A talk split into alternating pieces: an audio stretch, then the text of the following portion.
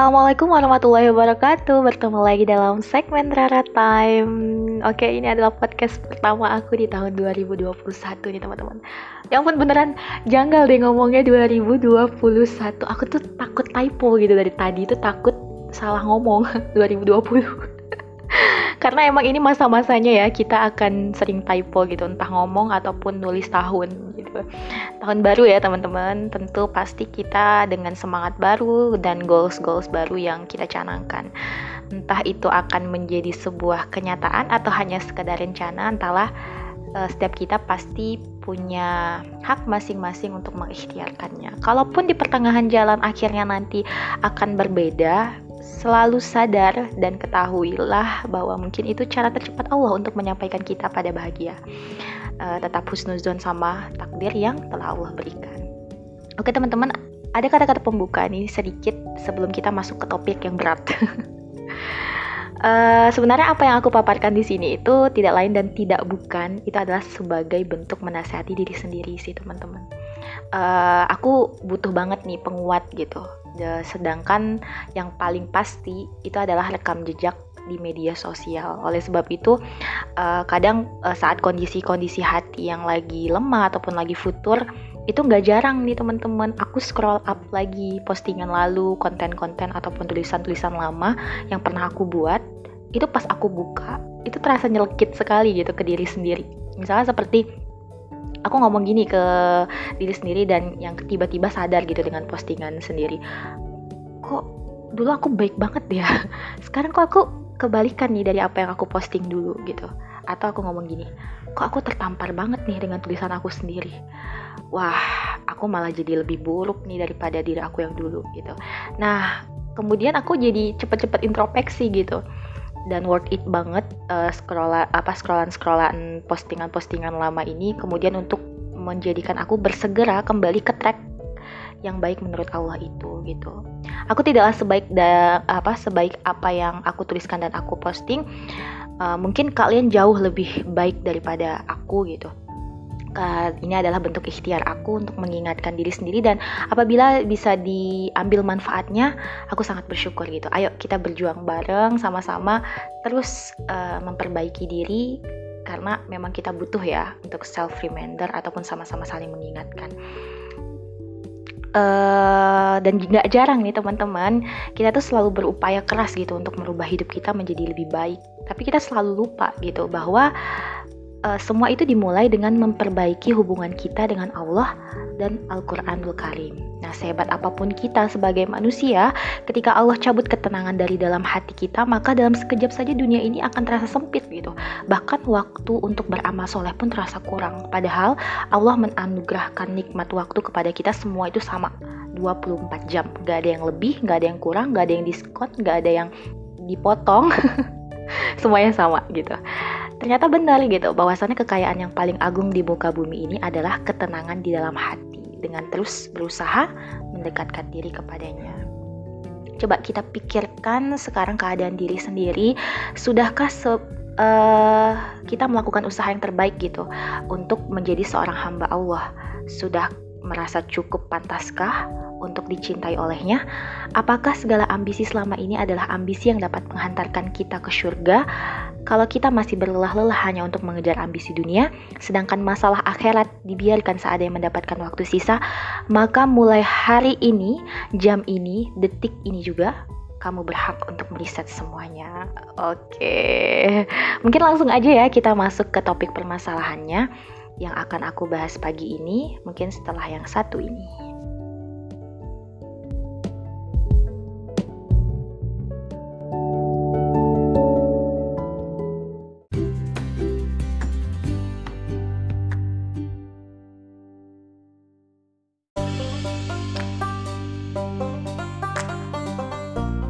Oke, mungkin kita langsung aja ya teman-teman ke pembahasannya. Sebenarnya pembahasan yang pengen aku bahas pagi ini adalah permasalahan yang paling krusial apa sih yang sebenarnya yang paling menghambat kita untuk mendekatkan diri dengan Al-Quran baik membaca, uh, menghafal ataupun meroja hafalan. Ada beberapa poin yang akan aku bahas karena kemarin aku udah melakukan survei juga di Instagram Nah, sepertinya jawabannya ini mewakili gitu untuk diri aku pribadi dan mungkin me mewakili beberapa apa yang dirasakan teman-teman gitu. Jadi nggak hanya sebelah pihak nih, nggak hanya apa yang aku rasain doang gitu.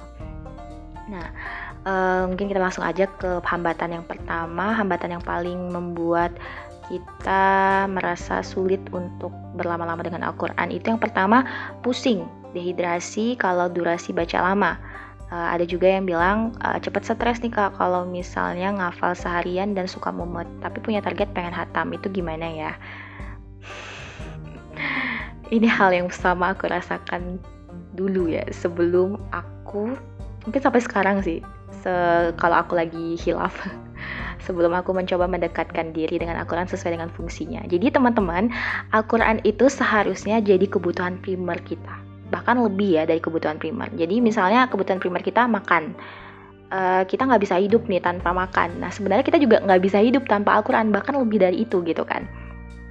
Dan Al-Quran itu punya fungsi-fungsinya. Nah ini kemarin aku sempat dengar kajian gitu dari salah satu ustazah bahwa Al-Quran ini memiliki fungsi-fungsi atau nama lainnya dan barang siapa yang mendekati Al-Qur'an sesuai dengan fungsi-fungsinya maka akan mendapatkan sesuai dengan tujuannya itu gitu. Jadi salah uh, apa beberapa tujuan-tujuannya di antaranya uh, Al-Quran itu sebagai media kita untuk berkomunikasi personal dengan Allah media untuk mendapatkan petunjuk, media untuk menjadi pengingat kepada kita bahwa kehidupan di dunia hanyalah sementara, media untuk mendapatkan hikmah dari setiap kejadian, sebagai penerang dan cahaya yang melingkupi hati kita pada saat kita mengalami kesulitan dan kesempitan, sebagai obat uh, untuk hati kita, sebagai media untuk kita mendapatkan kabar-kabar gembira langsung dari Allah sebagai pelipur lara, sebagai media untuk mendapatkan ketenangan, keteguhan, dan kebahagiaan. Nah, ternyata Al-Quran itu memang berfungsi sesuai dengan tujuan kita mendekatinya nih teman-teman. Dan aku baru sadar sih gitu. Dan ini ternyata yang menguatkan perjalanan aku selama menghafal Al-Quran waktu itu. Jadi aku memang bukan hanya sekedar pengen uh, bisa hatam ya atau bukan hanya sekedar uh, supaya bisa mengistiqomahkan bersama Al-Quran tapi aku pengen benar-benar mendapatkan hidayah berkali-kali saat itu gitu. Jadi ketika di perjalanan kita mendapat hambatan ataupun uh, hampir ibaratnya terseok-seok kayak gitu kita tetap gimana ya tetap teguh gitu di jalan itu dan semakin kita menguatkan gitu untuk terus berinteraksi dengan Al-Quran. Karena aku merasakan banget sih gitu. Kalau misal tujuan kita hanya yaumi ya misal one day one juice gitu dan sebagainya menurutku itu hanyalah bonus gitu. Kalau tujuan kita hanya itu aku khawatir kita eh, akan kehilangan esensi dari Al-Quran itu sendiri dan kita akan kehilangan fungsi-fungsi yang tadi gitu. Fungsi-fungsi sebagai petunjuk, sebagai pengingat, sebagai kabar gembira, sebagai obat dan sebagainya. Padahal yang paling penting adalah bagaimana kita berinteraksi dengan Al-Quran itu untuk mendapatkan itu semua gitu dan hidayah itu memang milik Allah ya. Jadi kita nggak tahu nih pada ayat mana, pada su apa surah mana yang kita akan mendapatkan hidayah. Maka terus kejar gitu, terus kejar sesuai dengan tujuan kita itu. Maka insya Allah itu yang akan membuat kita semakin merasa menikmati banget dalam proses bersama Al-Quran gitu. Jadi nggak mumet, nggak pusing sama sekali gitu. Walaupun memang sih uh, pasti ada ada pusingnya, ada mumetnya gitu. Cuma hati kita itu nggak kering gitu akhirnya. Nah, jadi sebenarnya e, manusia juga itu suka banget nih. Aku selalu menyadari bahwa sering banget kita tuh terjebak dengan alur ketergesaan nih yang mungkin itu udah jadi watak kita juga gitu kan. Sehingga sering kali terbebani oleh sesuatu yang semestinya ringan gitu. Sebenarnya apa sih yang mau dilombain gitu? Kita banyak-banyakan kita cepet-cepetan itu sebenarnya apa gitu? Toh kalau tujuan kita untuk mendapatkan petunjuk toh kalau tujuan kita untuk uh, bisa komunikasi langsung dengan Allah dan sebagainya itu berarti kita nggak akan fokus sama hal itu gitu. Dan gak jarang kita tuh su suka meledak-ledak gitu ya. Pengen tilawah sebanyak-banyaknya pengen ngafal Quran cepet-cepet gitu. Uh, tapi ketika ada ujian kesabaran kita malah cepet memudar tuh semangatnya gitu. Selalu yakin proses ini lay layaknya tugas besar nih teman-teman. Dan selalu pastikan bahwa bekal uh, apa bekal kita itu cukup dan pasti akan mengundang banyak rintangan. Nah, bersama Al-Quran, kita itu dituntut progresnya untuk terus maju. Gak apa-apa, uh, mungkin sesekali kita down ataupun segala, segala macam, tapi jangan sampai mundur ke belakang gitu. Karena Al-Quran itu indah teman-teman membacanya aja indah apalagi menghafalkannya terkadang kita itu suka ya apa gak sadar gitu tentang keindahan Al-Quran mungkin kita malah lebih suka denger lagu-lagu ataupun uh, hiburan lain gitu selain Al-Quran. Padahal sebenarnya yang paling manjur menurut aku itu kalau kita hiburannya dengan Al-Quran. Amin ya semoga semoga bisa terus kayak gini dirasainnya. Untuk aku di masa depan semoga ini terus yang aku rasain. Amin. Nah gitu. Jadi kadang kita tuh suka uh, lupa gitu keindahan Al-Quran. Jadi justru mumet sama pusing yang dirasain gitu Nah, itu karena kurang menyandarkan tujuan-tujuan kita sama fungsi-fungsi Al-Quran tadi gitu. Yang sesungguhnya uh, sehingga dalam dalam persiapannya ataupun membangun membangun komitmen bersama Al-Quran itu kita kurang gitu, kurang persiapan. Nah, Al-Quran itu indah banget gitu, baik dari segi diksi ayatnya, arti bahkan hikmah-hikmah yang ada di dalamnya. Oleh sebab itu, uh, sebelum aku beru apa berusaha gitu untuk mencoba menghafal ataupun berusaha intens sama Al-Quran itu aku cari-cari dulu tuh sebelumnya. Cari-cari tahu keindahan apa aja sih yang biar yang bisa buat aku tuh semakin jatuh cinta dengan Al-Quran. Karena aku merasa ilmuku itu terbatas gitu. Ini sangat gak cukup gitu sebagai bekal untuk bisa konsisten sama Al-Quran.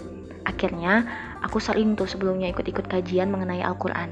Hmm, ada waktu itu sebulanan aku ikut daurah yang itu semuanya ngebahas tentang Al-Quran gitu.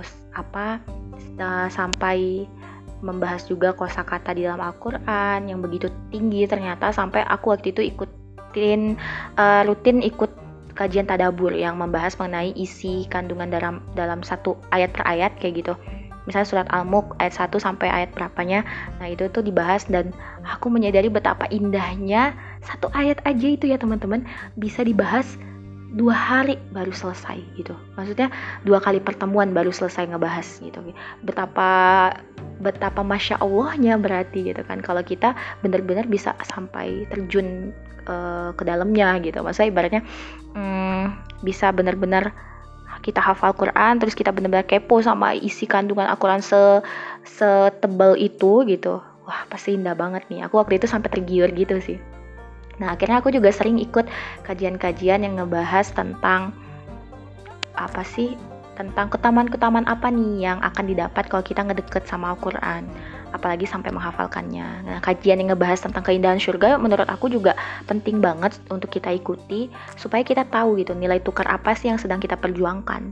Uh, mungkin next ya pembahasan ini aku akan bahas tentang keindahan surga mungkin supaya teman-teman juga bisa Eh, sama-sama uh, kita menyamakan frekuensi. Nah, menurut aku ini penting gitu karena segala sesuatu apabila pencapaiannya ingin maksimal itu harus dimulai dengan proses yang namanya cinta. Karena dengan cinta kita akan uh, dibawa dan seseorang itu akan dibawa kepada sebuah keyakinan, ketulusan dalam perjuangan dan pengorbanan serta kepatuhan dan usaha maksimal tanpa pamrih. Alhasil, uh, sesuatu yang besar mungkin menjadi kecil dan sesuatu yang berat banget itu menjadi lebih ringan gitu dalam perjalanannya. Jadi kita nggak akan gitu ngerasa mumet gitu selama di perjalanan karena amunisi kita bermodalkannya cinta gitu. Bahkan ngantuk aja itu ya teman-teman bisa dengan mudah kita tepis gitu dalam sekejap dan akan kalah dengan semangat yang kita buat terus untuk menambah ayat yang kita hafalkan gitu harus selalu diingat nih teman-teman, kebersamaan dengan Al-Quran adalah sesuatu yang paling berpeluang besar untuk mencapai hasil akhir yang indah sesuai dengan janji Allah. Nah, sang, saat kita memutuskan ada di jalan ini, sebenarnya bukan kita yang sedang memilih jalan ini, tapi kita dipilih dan dianggap sebagai orang-orang yang terpilih untuk mampu berada di jalan ini oleh Allah langsung gitu. Jadi kita uh, misalnya nih kalau di dunia ya ibaratnya kita dipilih langsung oleh presiden untuk jadi wakil Indonesia untuk ke mana misalnya kayak gitu. Tan uh, tanpa seleksi misalnya. Ataupun kalaupun kita harus mengikuti seleksi kita itu mengalahkan uh, jutaan selek uh, orang yang ikut seleksi misalnya gitu. Wah bangga nggak sih gitu kan? Kita itu untuk perkara dunia gini aja kita tuh bangganya bukan main gitu apalagi untuk perkara akhirat gitu. Sebenarnya kita harus jauh lebih lebih bangga karena ini jauh lebih abadi dan menjanjikan gitu. Karena pada perkara dunia aja kita bangga bukan main seperti itu sebenarnya itu hanya sekejap dan semu gitu. Allah sedang memilihkan kita berada di jalan ini gitu. Artinya Allah udah percaya nih sama kita. Tinggal gimana kita menjaga kepercayaan yang Allah berikan gitu dengan sebaik-baik ikhtiar. Nah terkadang yang bahayanya nih ya teman-teman. Kalau kita udah semangat membaca atau menghafal yang menghafal yang menggebu-gebu gitu di awal itu justru membuat Al-Qur'annya nih yang terasa lebih penting dibanding Allahnya gitu. Nah, biasanya uh, apa kita tuh pengen hatam cepet. Jadi hatam menghafal itu sering kali yang lebih diharapkan dibanding dengan kesungguhan dan ketulusan dalam prosesnya gitu. Mengulang-ulang ayat terasa lebih penting dibanding khusyuknya. Mujahadah ataupun semangat menghafal menjadi lebih menentukan dibanding doa padahal seharusnya bukan gitu sih pola pikirnya gitu karena setiap halaman setiap lembar yang dilalui itu sebenarnya adalah sebagai medianya Allah untuk menyampaikan cinta pada hambanya sebagai media petunjuk, sebagai media hidayah, sebagai media pengingat buat kita gitu. Oleh sebab itu eh, kebersamaan setiap saat bersama Al-Quran itu harusnya sebenarnya harus lebih diharapkan dibanding hatamnya sih gitu. Jadi hatam membaca ataupun hatam menghafal itu sebenarnya bonus, benar-benar bonus gitu. Khusyuk dalam meresapi keindahan Al-Quran, menyelami isi dan memetik hikmah jauh lebih dirindukan seharusnya dibanding hanya mengulang-ulang hafalan gitu, mengulang-ulang tanpa kita paham artinya dan paham konteksnya gitu. Dan sekedar hanya pengen cepat menyetorkan ataupun pengen cepat selesai gitu. Dan doa sebanyak-banyaknya sebelum pada saat menghafal ataupun uh, setelah menghafal itu jauh lebih menentukan sebenarnya dibanding semangat yang menggebu-gebu sampai kita nggak tidur, sampai kita lupa makan dan sebagainya. Sebenarnya doa yang jauh lebih menentukan gitu. Karena apalah artinya semangat kalau tanpa kemudahan dan dukungan penuh dari Allah gitu. Semuanya hanya akan terasa hambar kalau kita tidak melibatkan campur tangan Allah Nah, sudah seharusnya kita memperbaiki niat nih teman-teman dalam menghafal Al-Quran yaitu dengan membulatkan hati untuk mengharap kebahagiaan yang hakiki dengan mendapatkan fungsi-fungsi dari Al-Quran itu sendiri gitu. Kemudian dengan menemukan kembali fitrah kita sebagai manusia dan menghimpun jutaan malaikat uh, saat kita sedang membaca atau menghafalnya gitu. Di antaranya untuk mendapatkan keridoan, untuk mendapatkan pahala, mendapatkan ampunan dari Allah semata. Karena kalaupun ya kita menemukan jadi kalau misalnya kita nemuin rintangan gitu dalam prosesnya misal kesulitan rasa jenuh bosan karena mungkin rasa kecewa kondisi fisik dan otak kelelahan itu tidak akan sampai menghentikan langkah kita untuk terus cari cara supaya kita tetap bisa uh, memperjuangkan Al-Quran gitu. Lemahnya ketulusan dalam menghafal ini juga uh, akan membuat manusia itu lebih senang dengan rencananya bukan rencananya Allah. Sehingga ketika kita udah buat target udah pasang-pasang target ataupun buat-buat rencana untuk uh, diri kita bersama Al-Quran itu uh, misalnya nggak kunjung menuaikan hasil uh, kita akan mudah patah hati mudah kecewa gitu dan semangatnya mulai turun gitu. Nah, padahal sebenarnya ya kita harus yakin kalau kalau rencana kita nggak sesuai, berarti rencana Allah yang lebih baik gitu dan lebih indah daripada rencana yang kita buat sendiri. Oke, lanjut ke tantangan kedua. Susah buat jauh dari HP. Nah, saat-saat yang menjadi apa? Saat-saat ini aku merasakan banget dulu juga eh, sebelum aku masuk ke Mahat uh, itu sangat menjadi kendala menurut aku gitu. Gak tahu ya rasanya gatel aja gitu pengen ngecek notif gitu penasaran ada notif dari siapa aja ya gitu. Biasa orang paling penting di dunia yang paling dicari di dunia gitu. Kalau nggak ngecek notif tuh berasa kayak pasti ada yang nyari aku nih pasti pasti ada yang butuh aku nih gitu. Padahal sebenarnya enggak juga gitu. Nah niat awalnya pengen cek notif gitu Jadi keterusan eh buka story orang gitu Kepoin ini itu Dan sampai terjebak uh, di Shopee misalnya gitu. Jadi ngeliat-ngeliat diskon tuh kan yang bahaya gitu kan. Dan gak kerasa sejam dua jam gitu kebuang hanya untuk berselancar yang unfaedah gitu kan. Kondisi ini udah sang apa ya udah saatnya kita cari cara gitu untuk mengatasinya. Selama di Mahat dulu ya aku merasakan betapa nikmatnya seharian ini full sama Al-Quran.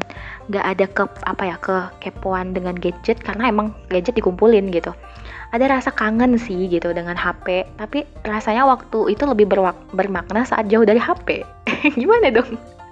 Ya rindu gitu. Tapi rindunya gimana ya? Jauh lebih indah kalau kita nggak nggak sama nggak sama-sama gitu. Gimana sih? Itulah pokoknya Nah sekarang gitu ketika udah selesai gitu ya full lagi megang HP gitu jadi kangen lagi gitu masa-masa di mana dibatasin buat megang HP gitu. Makanya aku mulai komitmen nih sekarang buat ngatur waktu untuk megang HP lagi. Waktu maksimal buka Instagram dan waktu maksimal untuk berselancar di dunia maya uh, kecuali ada jadwal kajian gitu aku mulai mm, di dikasih waktu gitu gimana ya dijadwalin kayak gitu. Jadi jadi kalau misalnya bisa pas aku sa apa kalau bisa pas aku lagi sama Al-Quran itu handphone itu aku taruh dalam lemari gitu. Harus dikonsistenin sih ini waktu-waktunya juga gitu disusun sedemikian rupa jadi jelas gitu kapan waktunya gitu. Nah kapan karena bener ya setan gepeng ini kalau nggak dihadapi serius gitu bisa merenggut kualitas waktu kita gitu. Untuk sus sukses dalam hal ini benar-benar harus komitmen sih sama diri sendiri. Harus mulai mikir mau sampai kapan kita diperbudak dengan dunia maya gitu. Dunia nyata aja selama aja selama di dunia ini apa ya itu tuh semua tuh semu gitu. Apalagi dunia maya yang jelas-jelas semu. Benar-benar semu gitu di atas semu di atas semu gitu. Nah kita harus ngorbanin gitu keinginan kita karena waktu yang kita miliki itu terbatas banget gitu. Sedangkan banyak hal yang harus kita perjuangkan, banyak hal yang harus kita jaga gitu.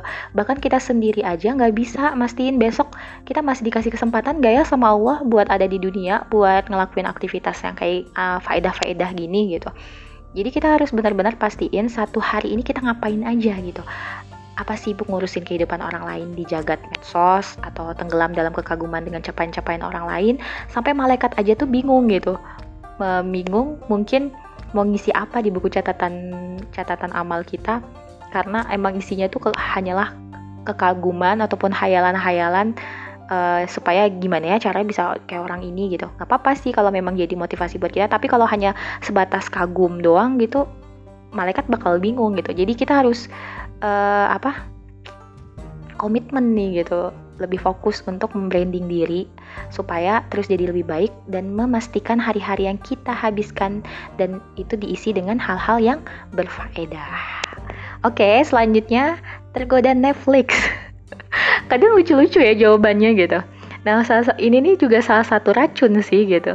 Teman-teman bener-bener ya deh, gitu. Sebelum terlambat dan sebelum nyesal, kurang-kurangin quality time sama Netflixnya. Sekali lagi, hal ini nih emang nyenengin bahkan ngibur ya gitu. Tapi kalau sampai overdosis tuh bisa bahaya teman-teman. Kita jadi fokus sama kehidupan tokoh yang berperan di film. Kita ikut mikir keras gimana nih ya keberlanjutannya, gimana nih ya dia kayak gini gini gini gini. Kita jadi mikir keras gitu. Sedangkan sampai kita lupa gitu kita juga punya kehidupan sendiri yang harus segera dibenahi gitu. Emang banyak ya yang bisa kita ambil pelajaran dari nonton gitu ya. Tapi kalau itu justru melalaikan, uh, justru itu akan sangat merugikan buat diri kita sendiri gitu. Al-Quran itu jauh lebih menggiurkan untuk dinikmati. Kisah-kisah yang di dalamnya itu ya teman-teman jauh lebih nyata dan banyak hikmahnya gitu. Emang itu kisah-kisah yang terjadi uh, pada masa lalu gitu. Tapi relate banget kalau kita terapkan di kehidupan masa kini gitu. Coba uh, ditinggikan lagi kekepoannya dengan Al-Quran gitu hatamin baca sama hatamin baca arti gitu kalau bisa. Nah banyak kisah yang pasti buat kita tergugah. Nggak cukup nih hanya dengan baca arti. Mungkin kita bisa download aplikasi tafsir ataupun uh, dengar ceramah-ceramah ustadz mengenai tadabur surat ini surat ini surat ini atau beli tafsirnya. Nah itu dijamin banget uh, buat tan tambah kecintaan kita dengan Al-Quran gitu. Jangan saya apa ya sayang gitu mengorbankan jam misalnya kita aduh sayang nih aku bisa habis berapa episode nih kalau aku buat nonton gitu. Jangan sayang gitu untuk mengorbankan hal itu gitu.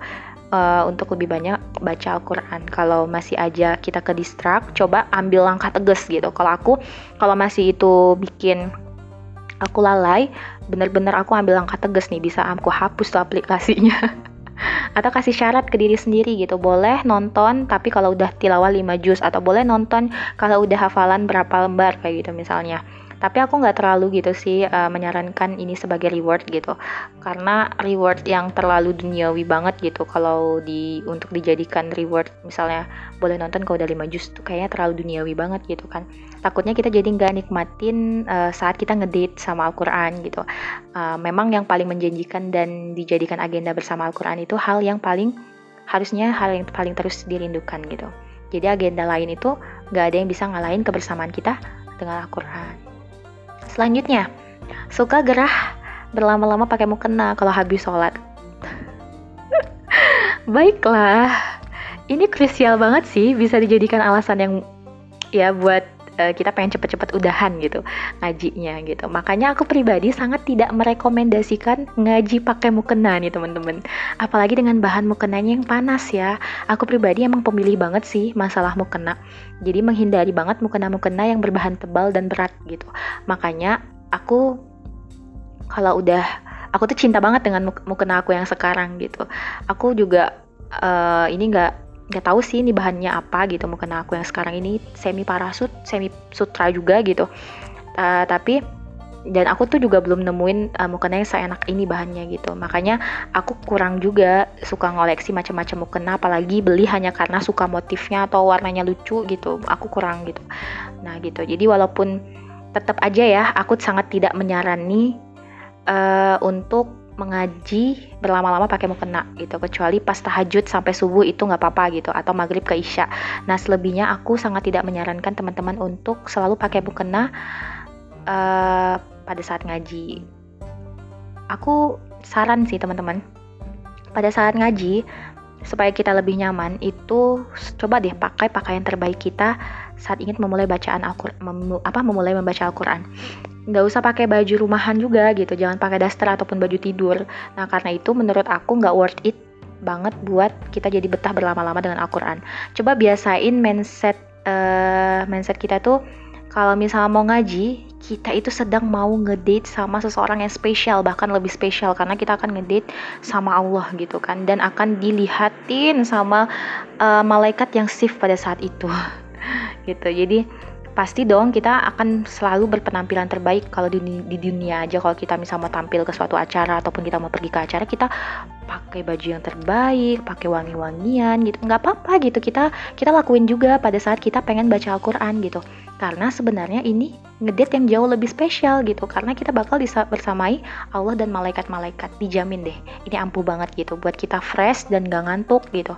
Gak apa-apa pakai itu skincare atau sedikit polesan di wajah gitu. Karena sebenarnya yang paling berhak buat kita tampil de, apa tampilin penampilan terbaik kita itu emang saat kita sedang beribadah gitu kadang kita suka kebalik ya giliran mau ke kondangan ribetnya minta ampun gitu. Giliran mau ketemu Allah seadanya pakai baju sobek-sobek malahan gitu. Bolong sana bolong sini gitu coba diganti deh mindsetnya gitu. Kalau bisa semua baju terbaik kita udah pernah kita pakai buat sholat udah pernah kita pakai buat ngaji. Nanti pas dihisap itu insya Allah kita bakal ngebantu juga memperingan hisapnya insya Allah ya. Apalagi kalau yang punya uh, koleksi baju bermacam-macam jenis gitu.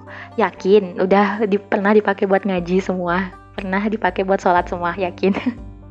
kan rugi ya kalau cuma dipakai buat pergi-pergi doang gitu. Makanya kalau beli-beli baju kita harus mikir gitu. Bukan hanya sekedar lucu atau bagusnya doang tapi mikir kenyamanan kenyamanannya. Misalnya nih nyaman gak ya dipakai buat sholat? Pantas gak ya buat sholat? Uh, nyaman gak ya dipakai buat berlama-lama sama Al-Quran? Bahannya enak gak ya gini-gini?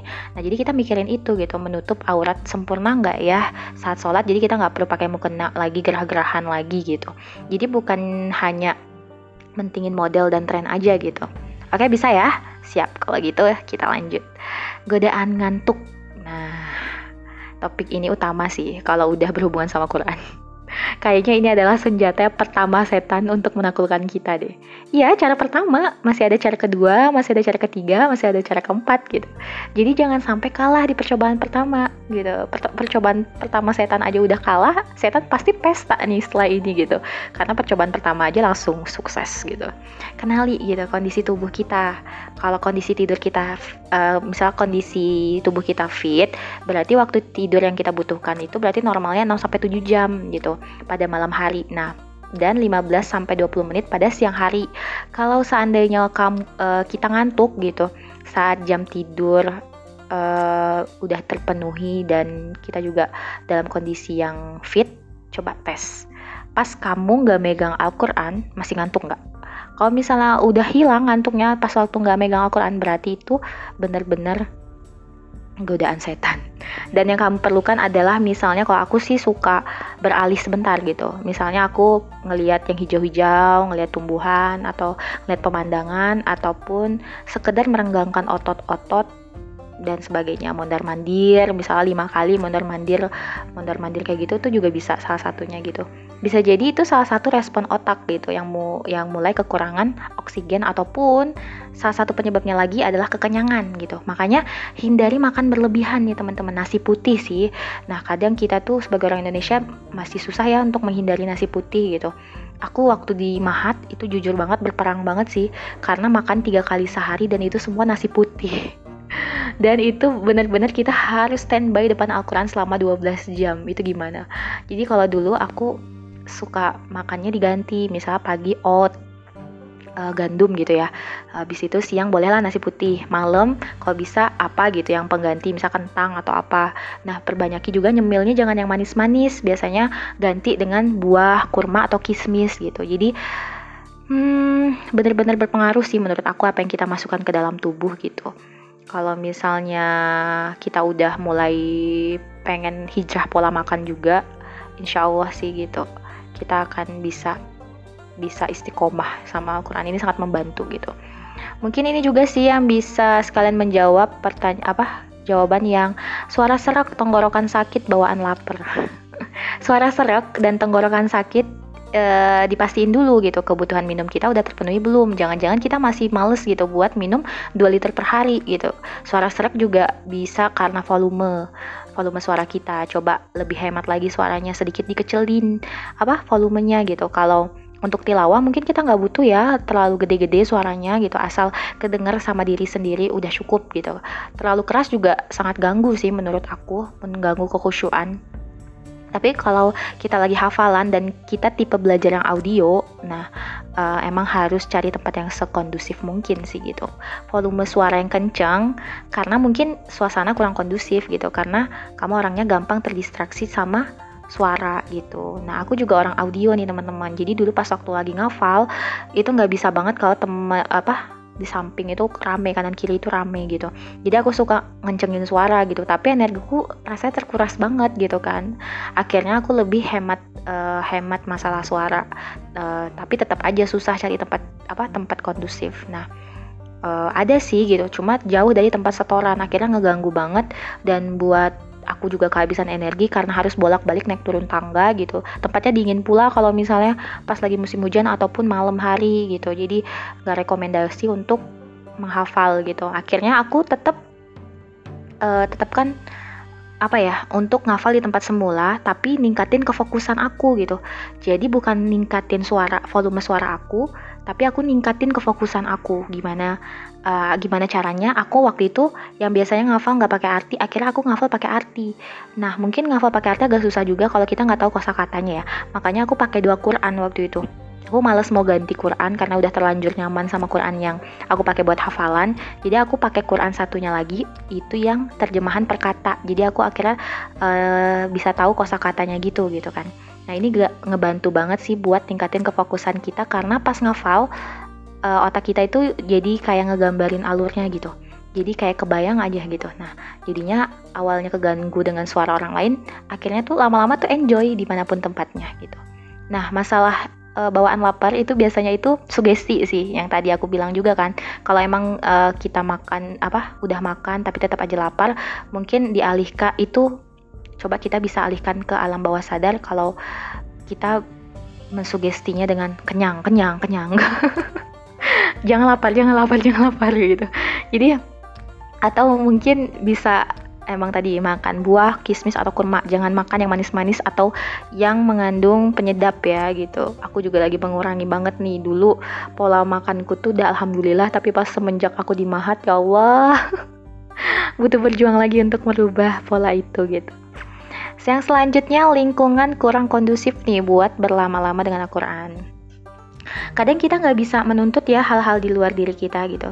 Satu-satu yang bisa kita lakukan adalah ciptain lingkungan sekondusif mungkin, itu minimal dengan langkah-langkah uh, kecil, misalnya komunikasi yang baik gitu, atau uh, keluar dari lingkungan itu misalnya mondok atau karantina. Tapi aku yakin banget sih kalau lingkungan rumah kurang kondusif itu karena kitanya aja yang kurang effort buat uh, nyiptain kondisinya gitu. Padahal kalau kita buat kesepakatan atau komunikasi sebaik-baiknya dengan orang rumah, insya Allah kok gitu bakal bisa kita ciptain kondisi kondus apa kondisi-kondisi yang kondusif menurut kita gitu. Buat kesepakatan bersama gitu insya Allah mungkin itu bisa juga jadi jalan untuk orang-orang rumah lebih dekat sama Al-Quran. Hmm, aku juga punya pengalaman sih orang tua aku juga nggak terlalu intens ya sama Al-Quran. Tapi semenjak aku tuh bilang kalau misalnya uh, pagi aku gini ngaji gini gini orang tua tuh ikut akhirnya gitu. Jadi bener-bener harus dikomunikasiin gitu. Selanjutnya kerjaan rumah nggak kelar-kelar. Nah, ini butuh time management gitu. Jangan menunda apa pun yang bisa kamu kerjakan saat ini. Buat jadwal kapan kamu harus lakuin kerjaan rumah, estimasikan waktunya. Kalau kamu gercep dan gak nunda-nunda, insya Allah beres cepet kok gitu. Cicil apa yang bisa dicicil dari kamu bangun tidur, misalnya beresin kamar langsung, sapu-sapu sekalian ngepel juga bisa nih gitu kan. Pas mandi sekalian nyuci, pas masak langsung cuci perabotannya, pas makan langsung cuci bekasnya, jangan ditumpuk. Nah, efisiensi kuncinya gitu kan. Prioritasin mana yang perlu diprioritasin, tapi jangan melalaikan tanggung jawab. Kerjaan rumah mah emang nggak ada habisnya ya kalau ditungguin gitu kan. Tapi bukankah untuk Quran bukan nunggu waktu luang tapi kita yang harus meluangkan gitu. Selanjutnya ada amanah lain yang nggak bisa ditinggalkan. Selama ini mungkin orang-orang mencari peluang bagaimana ia memiliki waktu kosong untuk bisa tilawah sebanyak-banyaknya atau menghafal Al-Quran. Namun sebenarnya kesibukan itu sunatullah dari Allah gitu kan.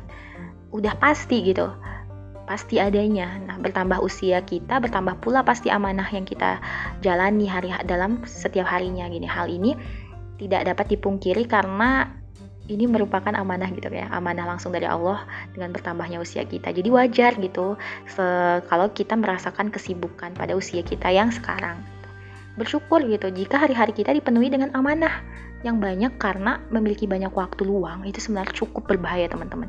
Jadi selama ini kita selalu beranggapan ya bahwa den, uh, bahwa dengan mempunyai waktu luang misal dengan cara resign dari kerja gitu atau fokus di pesantren buat ngafal dan sebagainya, tapi ternyata kita tidak bisa gitu kan meninggalkan amanah yang kita jalani dan kita juga kalau dari pondok pasti kita akan keluar lagi kan dari pondok dan kita akan menjalani amanah-amanah lain gitu kan. Nah, dalam sebuah hadis bahwa nik, uh, dua nikmat yang sering kali membuat orang tertipu itu adalah waktu luang dan nikmat sehat gitu. Dan ternyata memang benar ketika kita uh, mendapati sering kali orang seseorang itu melakukan maksiat karena memiliki waktu luang yang banyak. Karena ketika dia memiliki waktu luang, setan ber, apa menghasut gitu pikiran-pikiran untuk melakukan banyak maksiat atau misalnya uh, menguji apa ya Allah juga menguji keimanan dan ketahanan jiwa kita sih gitu kan. Jadi sebenarnya kita harus ketika kita jadi orang-orang yang sibuk kita tuh perlu bersyukur gitu. Karena uh, kita harus kita sangat perlu gitu untuk disibukkan dalam hal-hal kebaikan. Nah Al-Quran juga amanah nih amanah yang jauh lebih besar untuk kita. Oleh sebab itu, sibuk sesibuk apa pun, kita harus punya prinsip interaksi Al-Qur'an jangan sampai berkurang. Nah, caranya gimana supaya mengefisiensikan waktu agar amanah yang kita kerjakan saat ini itu cepat selesai dan cepat juga interaksi kembali dengan Al-Qur'an. Nah, kita harus pupuk nih cinta itu. Jadi supaya kangen aja bawaannya dengan Al-Quran dan gak mau jauh-jauh. Nah makanya kelebih apa ya kelebihan dari kita ngafal Al-Quran itu kita itu bisa dulu tuh aku tujuannya supaya aku bisa apa ya ibaratnya uh, dalam kondisi apa pun aku tetap bisa sambil merojaah gitu. Jadi misalnya kayak ngerjain di tempat kerja ataupun ngerjain apa gitu lisan tuh nggak pernah berhenti dari Al-Quran tapi masih aku ikhtiarin sih karena kan hafalannya juga masih belum semuanya nempel ya. Jadi itu masih butuh ikhtiar gitu jadi buat target gitu harus berapa jus nih dalam sehari. Misalnya dalam aktivitas dalam waktu luang, misalnya berapa jus saat mau tidur dalam kondisi rebahan juga kita bisa nargetin berapa jus gitu dalam posisi sambil berbaring di kasur. Itu nggak apa-apa teman-teman gitu baca Al-Quran tuh nggak harus sambil duduk atau nggak harus sambil uh, kita di atas sajadah enggak gitu. Bisa sambil dalam kondisi apa pun.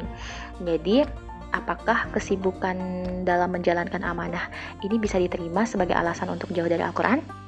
Menurutku nggak bisa gitu jadi harus diikhtiarkan yang selanjutnya terlalu disibukkan dengan hal duniawi oke okay. uh, eh, kita kadang suka ya ngebangun tembok pembatas antara urusan dunia dan akhirat gitu. Hal ini yang membuat kita itu sebenarnya menjadi kesulitan untuk membagi waktu keduanya gitu. Padahal hal-hal atau urusan duniawi itu merupakan sarana juga menuju akhirat gitu. Kuliah kita, kerja kita, medsosan kita, beres-beres rumah, semua itu sebenarnya ladang ibadah kita juga gitu. Makanya Allah itu nggak pernah membebani manusia untuk terus-terusan di masjid gitu atau untuk terus-terusan di mihrab di atas sajadah gitu. Enggak, Allah itu uh, udah menyusun gitu waktu-waktunya. Mengapa sholat subuh jam segini, terus sholat zuhur jam segini, asar jam segini, maghrib, isya jam segini, terus pokoknya kamu uh, udah diatur semua dalam Islam itu. Jam tidur terus nanti bangun malam. Itu semua udah sesuai dengan sunatullah gitu. Memang udah Allah atur sedemikian rupa itu demi kebaikan kita gitu kan. Itu untuk melaksanakan ibadah-ibadah dohir nah selebihnya selebihnya waktunya kita guna silahkan gunakan untuk berpindah dari satu amalan ke amalan lain. Silahkan untuk laki-laki misalnya mencari nafkah, bagi mahasiswa untuk kuliah, untuk ibu-ibu mengurus rumah, untuk para guru mengajar, untuk para dokter dan perawat ke rumah sakit, cleaning service bersiap untuk kembali membersihkan, uh, tukang beca bersiap kembali untuk menjalankan amanahnya mengantarkan pelanggan, tugas sap, apa uh, tukang sapu jalan bersiap kembali membersihkan jalan-jalan agar menciptakan kenyamanan untuk siapa pun yang lewat. Nah, Allah nggak pernah membedakan hamba-hambanya dari pekerjaan apa atau amanah apa yang dia lakukan gitu. Karena Allah selalu menilai hatinya. Apakah selalu terpaut ke Allah? Apakah dia ikhlas dan tulus menjalankan amanah? Maka Allah sendiri yang akan langsung turun tangan memperingan pekerjaannya melapangkan rezekinya dan tugas kita itu emang adalah ikhtiar gitu. Jadi jangan lagi ada pembeda uh, apakah ini ur urusan duniawi ataupun akhirat. Karena semua merupakan sarana kita untuk menuju Allah. Kalau mindset kita udah gini ya teman-teman, kita akan cerdas gitu mengatur waktu. Kita nggak akan uh, biarkan waktu kita habis hanya pada hal-hal yang melenakan dan anfaedah gitu. Tapi selalu ingat, waktu yang Allah berikan adalah modal kita untuk beramal soleh sebanyak-banyaknya, saling menasihati untuk kebaikan dan kesabaran. Oke, kesekian mungkin dari saya. Semoga uh, bisa diambil manfaatnya. Wah, ini kayaknya bak uh, podcast terpanjang aku deh kayaknya.